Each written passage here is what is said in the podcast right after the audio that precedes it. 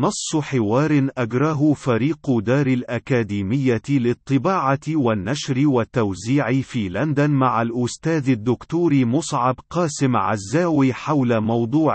مفاعيل الدعاية السوداء في عصر العولمة. فريق دار الأكاديمية كيف تنظر إلى تفارق نظم الدعاية السوداء البروباغندا بين النظم الاستبدادية العربية وبين تلك العامة في الغرب الصناعي المتقدم مصعب قاسم عزاوي؟ منهجية الدعاية السوداء في النظم الاستبدادية هي إعادة تمظهر للاستبداد ومنهجيته العنفية في المجال الدعائي الإعلامي، وهي في أحسن أحوالها نموذج من التلفيق المدعوم بقوة بسطارات وهراوات النظم الأمنية، والذي ليس هناك خيار للمقموعين سوى القبول به وترديده على طريقة الببغاء الثروات لضمان البقاء على قيد الحياة وعدم التعرض لخطر الإفناء الذي ينتظر كل من تسول له نفسه التساؤل عن مدى صدقية ما يردده عدا عن مرجعيته الأخلاقية وأحقيته القانونية وهو ما يجعل الدعاية السوداء نوعا من الكذب السافر المكشوف الذي يعرف الجميع أنه كذب دون أن يجرؤ أحد على التلفظ بتلك الحقيقة ويفضي إلى كون فعل الدعاية السوداء أقل عمقا وتأثيرا في نهج تفكير عامة المقموعين الذين في بواطنهم متفهمون وعارفون للحقيقة بأن كل ما تتلفظ به المؤسسات الرسمية هو عبارة عن كذب فجن صارخ حتى لو كان ذلك في نشرة الأخبار الجوية.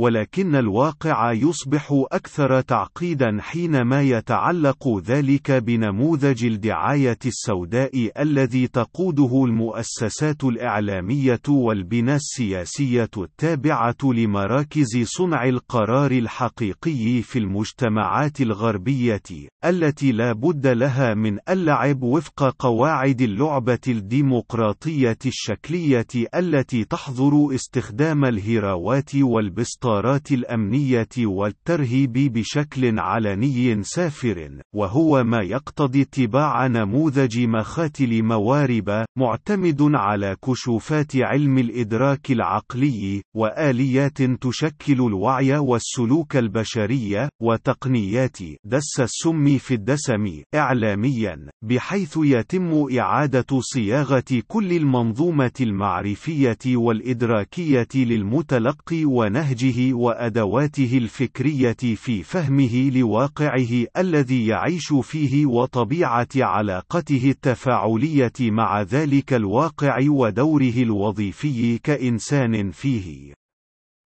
وذلك الحال يجعل من الدعاية السوداء أحد مرتكزات الهيمنة على المجتمعات ذات الطابع الديمقراطي الشكلي، والتي لم يعد أي مجتمع في العالم في مأمان من إفرازاتها وتأثيرها الأخطبوطي السرطاني الذي تفاقم بشكل متوالية هندسية جراء ما جلبته العولمة ومنتجات ثورة الاتصالات التي جعلت من نتاج الآلة الإعلامية وماكينة الدعاية السوداء والعلاقات العامة الغربية حاضرة في كل زوايا المجتمعات النامية التي لم يعد أي منها ضحية حصرية للنموذج البدائي الفظ لبروباغندا الطغاة المستبدين المتحكمين بتفاصيل حيوات أبناء تلك المجتمعات اليومية، وإنما أيضا رهننا لل الآليات الخبيثة في إعادة صياغة وتشكيل كل مستويات وعي الإنسان بوجوده وكينونته كفرد كائن اجتماعي من خلال ما يتعرض له من نتاج اختراقي وأدوات إعلامية وتقنية اختراقية على شاكلة وسائل التواصل الاجتماعي التي أصبحت أحد أهم الروافع في توجيه الرأي العام بالشكل الذي ينسجم مع مصالح مراكز صنع القرار في الغرب، كما أثبتته النتائج المهولة لتلاعب شركات توجيه الرأي العام وتحوير السلوك والوعي البشريين مثل كامبريدج أناليتيكا كامبريدج أناليتيكا التي قد يكون من أحد أهم نتائجها التخريبية فوز دونالد ترامب في انتخابات رئاسة الولايات المتحدة في العام 2016 وقرار بريطانيا بالخروج عن الاتحاد الأوروبي في نفس العام.